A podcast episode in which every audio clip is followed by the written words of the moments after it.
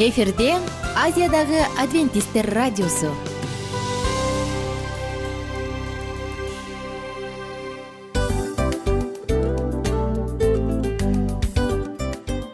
Достор салют. Баардык сүйүктүү угармандарыбызга салам айтабыз. Кутман күнүңүздөр менен. Ден соолук өмүрдүн булагы демекчи саламат саамы программасында баарыңыздарды көргөнүбүзгө абдан кубанычтабыз. Анда алгач амандашып өтөлү арбаңыздар деп. Ден соолугуңуздар кандай элибизде көбүнчө ден соолук кандай дегенде эле жакшы деп жооп беребиз э ооруп турсак дагы жакшы дейбиз. Анан мен муну айтып ойлойт элем бул абдан сонун сөз депчи анткени бул жакшы деген үмүт да э ооба баары жакшы болот. Баары сонун. Деп үмүттөнүп атып эле өзүбүздү өзүбүз дарылап коебуз. Анысы кандай? Сиздин дагы ден соолугуңуз жакшы беш деген үмүттөбүз чындыгында ден соолук бул өмүрдүн булагы деп бекеринен айтылган эмес деп ойлойм. Кыргыз элинде анткени эгерде ден соолук жок болсо анда адамдын жашоосунда калган баардык керектүү маңыздуу нерселер өзүнүн баалуулугун жоготуп коет. Ошондуктан ден соолук бул эң керектүү нерсе. Ооба туура айтасың кесиптешим. Чынында ден соолугуң жок бир эки үч күн ооруп калсаң эле э кандай болуп калат? Жашоодо көз каранды болуп каласың көп нерсеге жетишпей каласың көп нерсени кыла албай каласың жада калса эшикке дүкөнгө да чыга албай каласың. Туптуура анан ден соолук болсо демек биз биздин бактыбыз тоодой деп койсок болот. Анда достор саламат саамы рубрикабызды баштайлы. Алдыда өзүңүзгө керектүү болгон сонун кеңештерди уга аласыздар. Мына ошондуктан биз менен бирге болуңуздар. Ал эми биз болсо милан жана айнура. Кеттик алга. Алга саламат саама ден соолуктун жарчысы. Саламат саама ден соолуктун ачкычы. Күн сайын сиз үчүн мыкты кеңештер сонун жаңылыктар кызыктуу фактылар биздин рубрикада.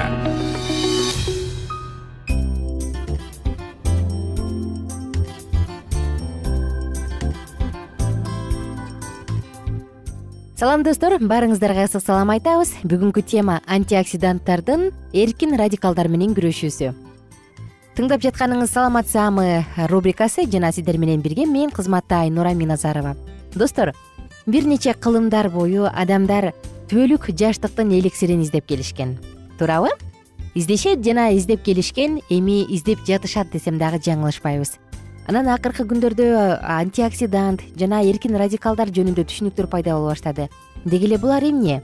Жана жарнамалардан ой бул укмуш териңизди эки күндө эле жашартып коет деген жарнамалар чынбы. Алардын курамындагы антиоксидант бул эмне? Келиңиздер ушул жөнүндө сөз кылалы. Бирок билесизби чынын айтканда эркин радикалдар булар коркунучтуу жана алар адамдын картаюусунда эң чоң роль ойношот. Аларды нейтралдаштырууга мүмкүнбү? Кантип жаштыкты узартса болот? Бүгүн ушул жөнүндө сөз кылабыз. Адамдын организминде чындыгында кычкылданууга каршы тура турчу клеткалар же болбосо атайын бир антиоксиданттар бар. Алар болсо жогоруда айтылган эркин радикалдар менен күрөшүп келишет. Адам күн сайын күн сайын керектүү өлчөмдө антиоксидант алыш үчүн албетте ар кандай ооруларга туруштук бере алышы үчүн анда анын жашоосу анын жашоо образы жакшы болушу керек. Бүгүн сиздер менен ушул сыйкырдуу антиоксиданттар жөнүндө айтып берүүгө даярбыз. Мына ошондуктан биз менен бирге болуңуздар дал ушул эркин радикалдар мээге кандай зыян тийгизиши мүмкүн?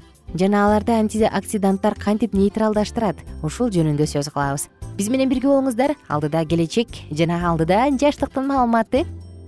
Эркин радикалдар менен кантип сүйлөш кантип согушуш керек кантип күрөшүш керек? Албетте ал үчүн калың токойдун дүйнөсүнө көчүп стресстен таптакыр арылып же болбосо экологиялык таптаза чөйрөдө өсүп же дайыма физикалык нагрузка кылып тамак ашты кылып карап жакмакташылбаган азык түлүктөрдү табигый азык түлүктөрдү жеп химиясы жок эч кандай химиялык нур жок жашоодо жашашыбыз керек. Бул идеалдык түрдө. А бирок чынында андай эмес да. Мына ошондуктан каалайбызбы каалабайбызбы биз дал ушул эркин радикалдар менен күрөшүүгө туура келет. Көрсө достор эркин радикалдардын дагы өздөрүнүн белгилүү бир функциялары бар экен алар бизди ашыкча кычкылданып кетүүдөн же ашыкча антиоксидациядан сактап турат. Алардын деңгээли кадимки антиоксиданттарды жок кылып туруу адам стресс болгондо адам кыйналганда көбүрөөк картаябыз. Демек бул учурда бизде антиоксиданттар азайып кетет. Же болбосо бизде тескерисинче эркин радикалдар көбөйүп кетет. Келиңиздер эми кененирээк айтсак антиоксидант бул кадимки эле кенен эркин сүзүп жүргөн эркин радикалдарды нейтралдаштырат. Аларга керектүү электрондорду берип турат. Антиоксиданттар өздөрү болсо кычкылдануу процесси аркылуу өтөт. Мында алар башка молекулалардан айырмаланып өздөрүнүн электрондорун башкаларга эркин радикалдарга берет дагы өздөрү кычкылданбай калат. Анан натыйжасында не стабилдүү болбой туруп калат кандай болсо дагы антиоксиданттар дайыма улам жаңырып турууга муктаж келишет. Анын бирден бир себеби кантип аны жаңылантыш керек дегенде антиоксидантка бай азык түлүк жеш керек. Антиоксиданттын эки түрү бар. Эндогендик жана экзогендик. Мисалы биздин мээбиз өзү эле ушул эркин радикалдардан өзүн өзү коргойт. Бул анын физиологиялык формасы физиологиялык коргонуусу. Ал өзүнүн антиоксиданттарын чыгарып турат өздөрүндө нейрондор бар ошонун баардыгы тең керектүү антиоксиданттарды иштерип чыгат. Эгер андай болбогондо нейрондор эбак эле бир нече жылдын ичинде эле картайып калмак. Бул эндогендик түрү. Эми болсо экзогендик түрүн айтсак. Экзогендик антиоксиданттар бизге организмге тамак аш аркылуу дары чөптөр аркылуу келип турат. Аларды күн сайын колдонуу жогоркуда айтылган жакшы клеткаларды көбүрөөк өндүрүп чыгарат эң негизги экзогендик антиоксиданттар бул витамин с витамини е витамини флавоноиддер каротиноид жана бета каротин а провитамини алицин чесноктун курамында камтылган баардык элементтер фито веществолор фитоэлементтер деп коебуз. Булар албетте өсүмдүк азыктарында бар жана дары чөптөр. Ырас жашылча жемиштер боп өсүмдүктөрү дан өсүмдүктөрү жаңгактар семечкалар уруктар булардын баардыгы тең. Дал ушул антиоксиданттардын эң бай булагы болуп саналат. Достор негизи эле жогоруда айтылган эркин радикалдар менен антиоксиданттардын ортосунда баланс дайыма болуп турушу керек. Адамда антиоксидант көбүрөөк иштелип чыкса ал ошончолук териси картарбайт. Ошончолук адам альцгеймер жана паркинсон ооруларына чалдыкпайт. Демек бул биздин жакшылыгыбыз үчүн бүгүнкү күндө тилекке каршы тамак аш толугу менен тамак аш деп айтайын десем тамак аштар дагы баары эле таза эмес э? Ар кандай химиялык добавкалар кошумчалар бар. Ар кандай жагымсыз нерселер бар. Ар кандай кошумчалар ар кандай зыяндуу заттар бар. Булардын баардыгын тең биз тилекке каршы сорттоп үнөмдөп анан жешибиз керек болуп калат бизге эмне жетишпейт? Бизге азык түлүктөрдөн жашылча жемиштер мөмө жемиштер жапайы өсүмдүктөр жана кадимки табигый май жаңгактар үлүшүбүзгө жетишпей келет. Эгер ушунун баардыгын тең жей турган болсок анда албетте организм антиоксидант менен камсыздалат. Дагы бир кыскача бир жардам бере кете турган болсок мөмө жемишпи жер жемишпи жашылча жемишпи канчалык полифенолго бай болсо демек ал ошончолук антиоксидантка бай келет. Ошондуктан күнүнө беш мөмө жемиш же жашылча жемиш дегенди өзүңүздүн жашооңуздун эң негизги кылып алыңыз. Бирок дагы эске сала кетчү адамдын жаш курагы өткөн сайын адамда антиоксидант дагы азая баштайт. Демек биз көбүрөөк жешибиз керек. Көбүрөөк туура жашоо образы менен жашап көбүрөөк таза аба менен дем алышыбыз керек кезекти косметикалык каражаттарга келди окшойт. Албетте достор антиоксидантка бай болгон косметикалык каражаттар сөзсүз түрдө сиздин териңизди оңдогонго жардам берет. Бирок бул эле жетиштүү эмес сөзсүз түрдө ага кошумча тамак аш дагы жеген жакшы. Баарыңыздарга кааларыбыз. Дайым жаш болуп жүрө бериңиз. Баардык нерсени жашарта турган нерсе бул күлкү ошондуктан уртуңуздан күлкү кетпесин. Организмиңизде баардык клеткалар нейрондор өз убагы менен жаңыланып өз убагында өз керектүү учурунда иштеп турсун мына ошондуктан достор баарыңыздарга кааларыбыз. Бар болуңуздар аман болуңуздар жана жаш болуңуздар. Кийинки уктурууда баарыңыздарды күтүп алабыз. Кызыктуу маалыматтар ушул жерден жаңырат. Саламат саама ден соолуктун жарчысы. Саламат саама ден соолуктун ачкычы. Күн сайын сиз үчүн мыкты кеңештер сонун жаңылыктар кызыктуу фактылар. Биздин рубрикада салют замандаштар баарыңыздарга ысык салам. Дил маек программабызга кош келиңиздер. Дил маек рубрикасы дегенде эле бул эмне болгон дил маек? Ким менен маектешебиз деп сурайт болуш керек угармандарыбыз бул рубриканы кыскача тааныштыра кете турган болсок ар тарап кесип ээлеринен болгон сонун интервью кеңештер бар. Ооба. Жылдыздар менен болгон маек бар. Аталарыбыздын агаларыбыздын чоң аталарыбыздан сонун кеңештер бар.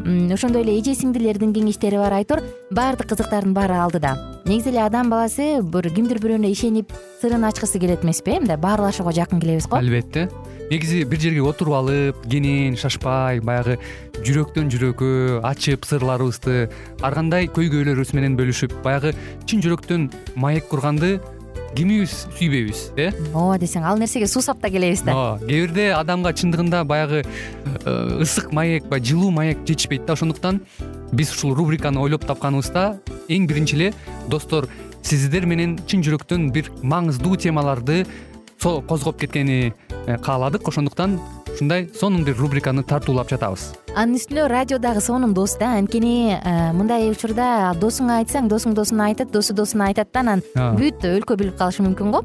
А радио болсо сени сатпаган сенин айыбыңды ачпаган сенин сырыңды эч кимге айтпаган сонун досмын ошондуктан биздин алдыдагы айта турган кеңештерибизди биздин досторубуздун кеңештерин угуп анан ал жака пикириңизди дагы калтырып кайрадан биз менен байланышсаңыздар болот. Деги эле жашооңузга эгерде кичине болсо дагы өзгөрүү алып моралдык жактан моралдык жактан сонун бир кеңештерди алсаңыз демек биз максатыбызга жеттик. Ооба. Чыңгыз атабыз улуу жазуучу э, чыңгыз айтматов айткандай адам болуу бул күнүмдүк процесс экен. Күн сайын адам бойдон калуу бул адамзатка эң эле кыйын дейт э? э эң кыйын дейт. Чындыгында бунун э, негизинде адамдын эң баягы сапаттуулугу адамдын адамгерчилиги жана көптөгөн керектүү нерселер. Мына ошол темалар дагы бизде э, ушул дил маекте биз аларды да козгойбуз. Э, ден соолук жөнүндө да сүйлөшөбүз. Сөзсүз түрдө анан милан мырза негизи айтып коюшат го. Биз көбүнчө эмнени ойлонсок ошол нерсеге карата иш кылабыз го ооба. Анан анысы кандай? Балким бул радио баракчада кимдир бирөөнүн оюн текшергенге жардам берет кимдир бирөөнүн жүрөгүн текшергенге жардам берет. Балким кимдир бирөөгө жашоонун маңызын тапканга жардам берер айтор кызыктын баары алдыда бул жөн гана кыскача жарнама анда угармандарыбыздын баардыгын кийинки рубрикабызга чакырабыз. Ал эми кызматта маңдайымда отурган кесиптешим милан жана мен айнура. Анда эмесе биз даярдаган терең терең ойлор менен таанышууга кеттик. Алыс алыс баралык. Анда эмесе достор биз менен бирге болуңуздар. Алдыда эң кызыктуу маалыматтардын баардыгы бир нече мүнөттөр бою жалгыз гана сизге арналат мына ошондуктан жакшы маанай менен угууну каалайбыз. Үн алышканча. Жөнөдүк. Ар түрдүү ардактуу кесип ээлеринен алтын сөздөр жүрөк ачышкан сыр чачышкан сонун маек дил маек рубрикасында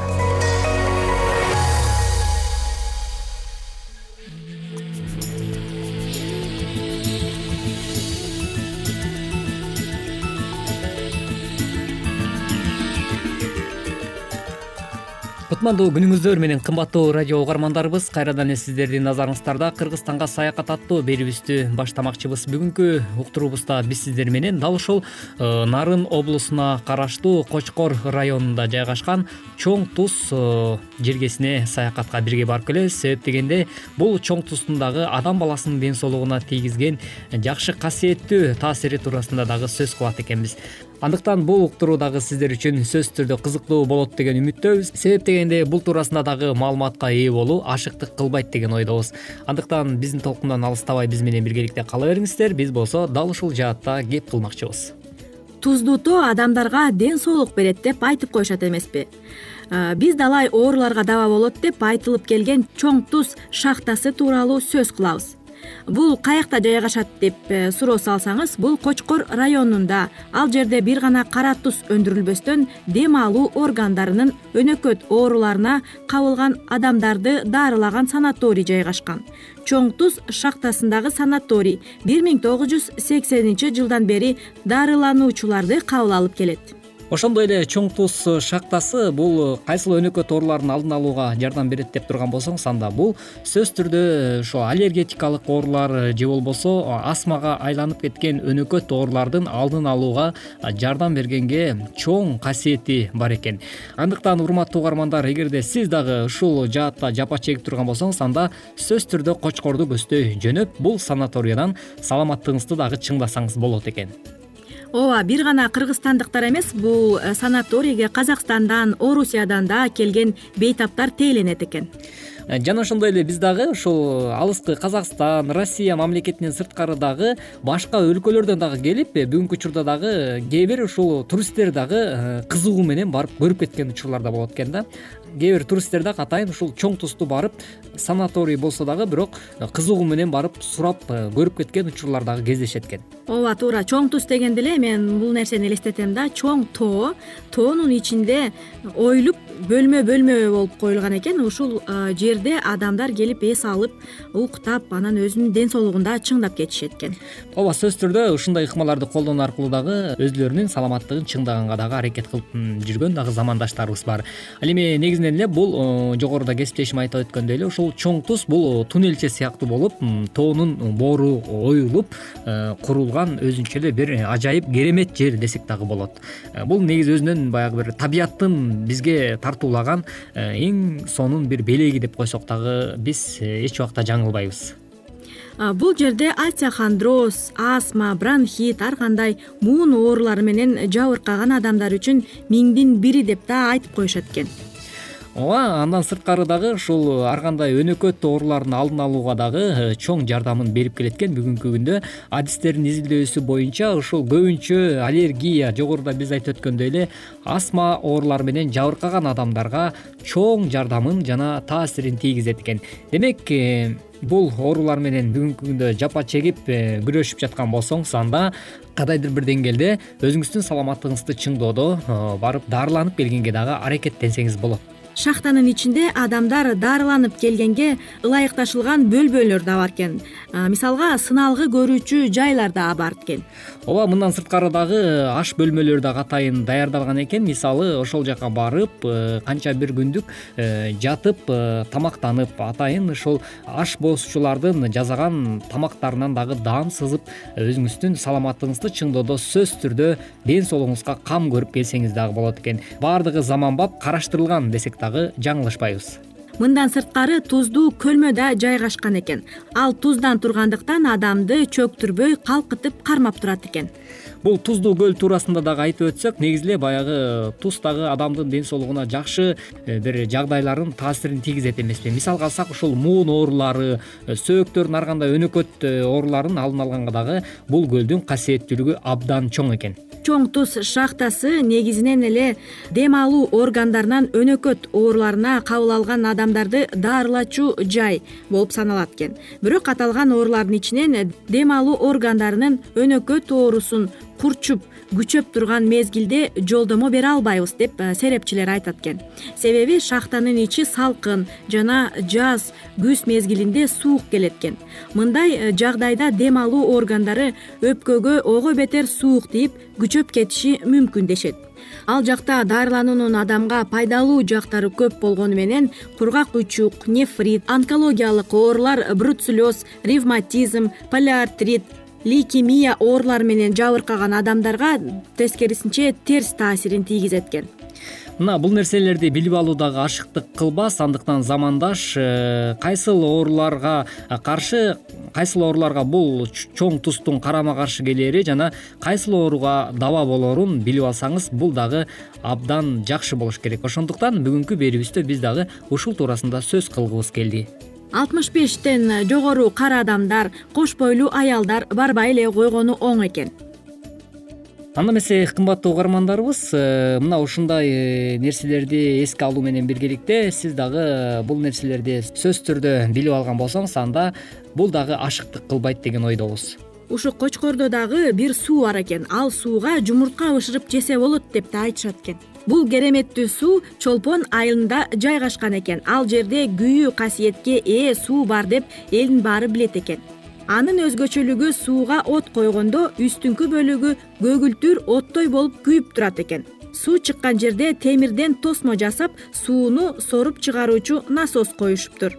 Бир миң тогуз жүз сексен экинчи жылы айыл ичинде суу чыгарабыз деп жумушчу топ насос орнотуу үчүн жер казышкан экен чуңкур тереңдеп калганда жалындаган от чыгып жумушчулар жүрөгү түшүп бир топ жерге чейин качып барышат экен. Алыстан туруп карашса от өчпөй күйүп тура бериптир. Жакын келип тобокелге салып карашса оттун алдында суу чыгып аткан экен. Ошентип күйгөн суу пайда болгон ал эми урматтуу угармандарыбыз билгенден билелегибиз көп демекчи. Мына ушундай сонун маалыматка дагы бүгүнкү уктуруубузда орток боло алдыңыздар. Ал эми биз кыргызстанга саякат аттуу берүүбүздө дал ушул кочкор өрөөнүндө орун алган чоң туз жана ошондой эле күйгөн суу туурасында дагы маалыматты бере алдык. Бүгүнкү уктурууга назар салганыңыздар үчүн чоң рахмат. Эмки берүүбүздөн кайрадан эле биз сиздер менен дал ушул аба толкундан үн алышканча сак саламатта болуңуз ар түрдүү ардактуу кесип ээлеринен. Алтын сөздөр жүрөк ачышкан сыр чачышкан сонун маек. Дил маек рубрикасында.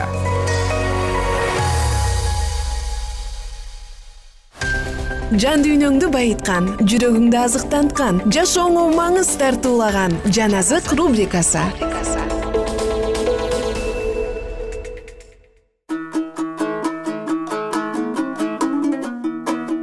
салют достор. Баардык угармандарыбызга салам айтабыз. Жана сиздер менен бирге улуу күрөш китебин андан ары улантабыз. Биз менен бирге болуңуздар. Улуу жалганчы өзүнүн айлакердигинин ачылып калышынан башка эч нерседен коркпойт. Өзүнүн чыныгы ой максатын жана мүнөзүн жакшылап жашырыш үчүн адамдар шылдың кыла турган абалда көрүнүүсүнө аракеттенет. Бул шайтан. Качан анын кебетесин келиштиришип күлкүлүү кылып жарымы адам жарымы жаныбар түскө келтирип тарткандар ага жыгат. Качан билимдүү адамдар аны күлкү келтирерлик жана мыскылдуу түрдө баяндагандары ага жагымдуу жана ал өзүнүн чеберлиги менен өзүнүн чыныгы жаратылышынын жаап жашыргандыктан баардык жерде бирдей гана суроо берилип келет. Ал эмне чын эле барбы? Диний дүйнө кудай сөзүндөгү ачык айкын күбөлөндүрүүлөрдү карама каршы түшүнүгүндө кабыл алышкан бул дагы анын иштеринин ийгилиги экендигин жөнүндө айтып турат. Жана шайтан ушундай жол менен гана адамдарды багындырып өзүнө каратып келет. Алар анын таасирин дагы байкашпайт. Ыйык жазууда анын жашыруун күчтөрүн ачып көргөзгөн жана анын соккуларына каршы туруубуз үчүн көп сандаган анын жаман иштери жазылып калтырылган. Эгерде биз биздин куткаруучубуздун кудуреттүү күчүн сезип жана туруктуу калканарлык жай таппаганыбызда шайтандын жаман жана ою күчү анын аскери бизге чыныгы толкунданып кабатыр болууларды туудурмак. Биз жаман адамдардан өз буюмдарыбызды сактап калыш үчүн өз үйлөрүбүздү кулпулап бекитебиз. Бирок биздин жүрөгүбүзгө кире турган жай издеп жүргөн жаман жиндер жөнүндө көп ойлоно бербейбиз. Алардан биз өз күчүбүз менен кутула албайбыз. Эгерде аларга уруксат бериле турган болсо анда алар биздин акылыбызды айран кылышмак денебизди таармак биздин мүлкүбүздү жана өмүрүбүздү талкаламак тынышмак. Кайгы жана талкалануулар аларга чыныгы кубаныч алып келет. Ким кудайдын алдын ала айткандарына каршы туруп жана шайтандын азгырыгына жол берген болсо алардын абалынын кыйындыгы кандай чоң бирок кудай аларды азырынча жаман рухтардын бийлигине таштап койгон жок бирок ким машаяктын артынан ээрчип жүргөн болсо ар дайым анын коргоосунда болушат. Аларды сактап туруш үчүн күчтүү асмандагы периштелер жиберилген. Жана кудай өз элин курчап койгон сакчылардан өтүүгө азгыруучу алсыздык кылат. Отуз экинчи бап. Шайтандын тору. Жер үстүндө уланып жаткан машаяк менен шайтандын ортосундагы улуу күрөш алты миң жылга созулуп өз аягына чыгууга жакындап келе жатат жана азгыруучу адамдарды куткаруу планын талкалоо жана машаяктын жолдоочуларын өз торуна түшүрүү максатында өз аракетин он эсе көбөйтүүдө. Анын максаты адамдарды караңгылыкта кармоо машаяктын жактоочу кызматында алар үчүн төгүлө турган кан калбай калганча аларды тобо келтирбөө анын бирден бир максаты. Анын бийлигине каршы туруш үчүн адамдар эч кандай аракеттерди жасабай турган болсо жыйында көңүл коштук жана маани бербейдик руху бийлик жүргүзө баштаганда шайтан коопсуз анын туткунунда жүргөндөрдү жоготуу коркунучу жок. Бирок адамдар качан түбөлүк өмүргө байланыштуу болгон муктаждыктары жөнүндө ойлонушуп баштаганда мындай деген суроолор туула баштайт. Куткарылуум үчүн мен эмне кылышым керек? Мына ушунда гана шайтан сан саксактап машаяктын бийлигине каршы аракеттенип жана ыйык рухтун таасирин жоюуга шашылат. ыйык жазууда периштелер менен кудайдын алдына шайтан дагы баргандыгы жөнүндө окуя жазылган. Аюб китебинде биринчи бап алтынчы аятта. Ал түбөлүктүү падышанын алдына ага табыныш үчүн эмес бирок адилеттүүлөргө карата болгон өз максатын орундоо үчүн барган. Ал болуп жаткан жыйындарда дагы ошондой эле ой менен катышып турат. Ал көрүнбөгөнү менен сыйынып жаткан адамдардын оюн башкарууну каалайт. Жөндөмдүү полк башкаруучу сыяктанып ал өз планын алдын ала түзүп турат. Насаатчы ыйык жазууга кирип кеткендигин байкагандыктан шайтан боло турган насааттын темасына өз дитин багат. Жана өзүнүн баардык чебердиги менен чындыктын кабары бул суроодо адамдарга жеткиликтүү болбошуна кам көрөт. Ким эскертүүлөргө көбүрөөк муктаж боло турган болсо сөздү укпай калышы үчүн жолтоо кылып бир нерсеге алаксытат. Же колун кандайдыр бир жагдайга байлайт. Ал эми бул сөз ал үчүн өмүргө өбөлгө алып келмек. Калкты курчап алган руханий караңгылык кудайдын кызматчыларын түйшүккө салаарын шайтан билет. Жана алардын чын ыкластан кудайдын ырайымы жана күчү ушул илең салаңдыктын бейгамдыктын жана шалаакылыктын караңгылыгын таратсын деп суранып сыйынгандарын угуп турат. Жана башка жагынан азгырыктын торун токуу баштайт. Ал адамдарды тамакка соргоктугу жана башка өзүмчүл иштери менен азгырат. Анткени алардын башка маанилүү нерселерди угуусун каалабайт. Кимди ыйык жазууну окуудан жана сыйынуудан алаксыта турган болсо алар анын олжосу болуп каларын шайтан жакшы билет. Ошондуктан баардык азгыруу менен ал адамдардын аң сезимин ээлеп алууну каалайт. Өздөрүн такыба эсептеген адамдар ар дайым кездешет. Ошондой болушса дагы алар чындыкты билиш үчүн убакыт табышпайт анын ордуна башкалардын кемчиликтерин жана адашууларын издөө менен алек. Мындай адамдар шайтандын оң колдору болуп саналат. Өз бир туугандарын айыптоочулар өтө көп жана алар мындай иштерде аракетчил. Теңир качан өз эркин таратканда чыныгы ишенүүчүлөр аны аткарууга аракеттенишет. Шайтандын кол алдындагылар болсо чындыкка баш ийген адамдардын кылган иштерин бурмалап турушат машаяктын эң эле акыйкат берилген жана өз керт башынын кызыкчылыгын ойлобогон кызматчыларын алар алдамчы жана адашкандар деп жарыялашат. Алар ар бир жакшы ниет менен жасалган иштерди башкача талкуулашып ишенимде тажрыйбасы жок жана бекем турбаган адамдардын сезимдерине ал туурасында жамандык күмөн саноолорду туудурат ыгы келе калган мезгилде эле таза чындык нерселерди ушак жана жалган катары көргөзүүгө аракет кылышат.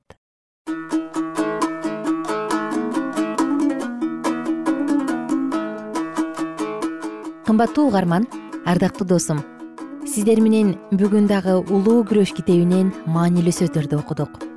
Шайтан чындыгында ким экендиги сизге дагы маалым болуп калды.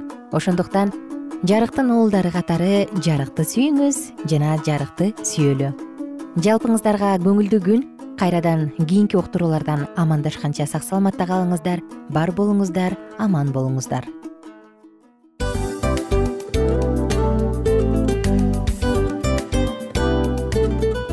Ушул менен достор программабыздын уктуруубуздун эң кайгылуу мөөнөтүнө келип жеттик кайгылуу дегенде ыйлагым келип кетти кесиптеш кадимкидей. Анткени баягы учурашасың анан коштошуу учур келгенде ии кантип ии эми бат баттан келиптир э сагындырбай деп атып араң коштошобуз го анысы кандай угармандарыбыз менен коштошчу учур келди. Кийинки уктурууларды сагыныч менен жүрөгүбүздө кусалык менен күтөбүз жалпыңыздарды анан жарым сааттык уктуруу көз ачышым канча өтүп кетти сөзсүз. Бирок бизде жакшы кабар бар. Кийинки уктурууларыбызда сөзсүз дагы кезигишебиз. Анткени биз көптөгөн сюрприздерди кызыктуу маалыматтарды жана керектүү керектүү нерселердин көпүнчөсүн даярдадык анда угармандарыбыздын баардыгына ийгиликтүү күн каалайбыз эгерде бүгүнкү күнүңүз өзгөчө э, өтүшүн кааласаңыз анда позитивдүү ой жүгүртүп жылмайып жакындарыңызга жакшы маанай тартуулап жүрө бериңиз анткени сөзсүз түрдө мунун арты кайтат э? Сөзсүз. Баягы ден соолугуң оңолот ал бул деп көп нерсени санап келебиз. Эң негизгиси бул сиздин жашооңузду жаркын кыла түшөт экен жараткан кудай ар бирөөңүздөргө батасын берсин жашооңуз ийгиликтүү болсун сак саламатта калыңыздар деп мен милан жана кесиптешим айнура. Баардыгыңыздар менен кийинки уктурууда үн алышканча баарыңыздарга ийгилик каалайбыз